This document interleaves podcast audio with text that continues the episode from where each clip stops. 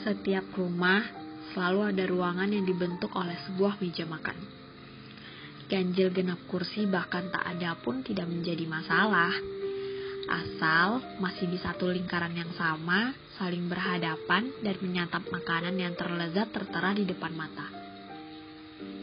Mewah atau biasa, enak atau tidak, bersih atau lusuh, di atas ataupun di bawah bukan persoalan.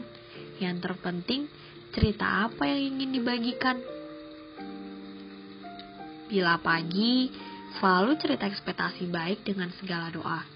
Bila siang, selalu cerita proses dengan segala usaha. Dan bila malam, selalu cerita tentang penerimaan hasil yang telah terjadi baik dikemas secara baik atau buruk, bahagia atau kecewa sekalipun.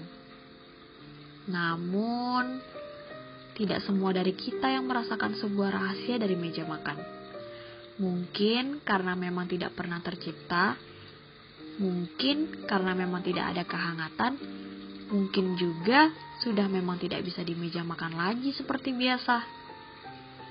Siapa pun yang masih bisa berkumpul, semoga serta masih bertahan ya.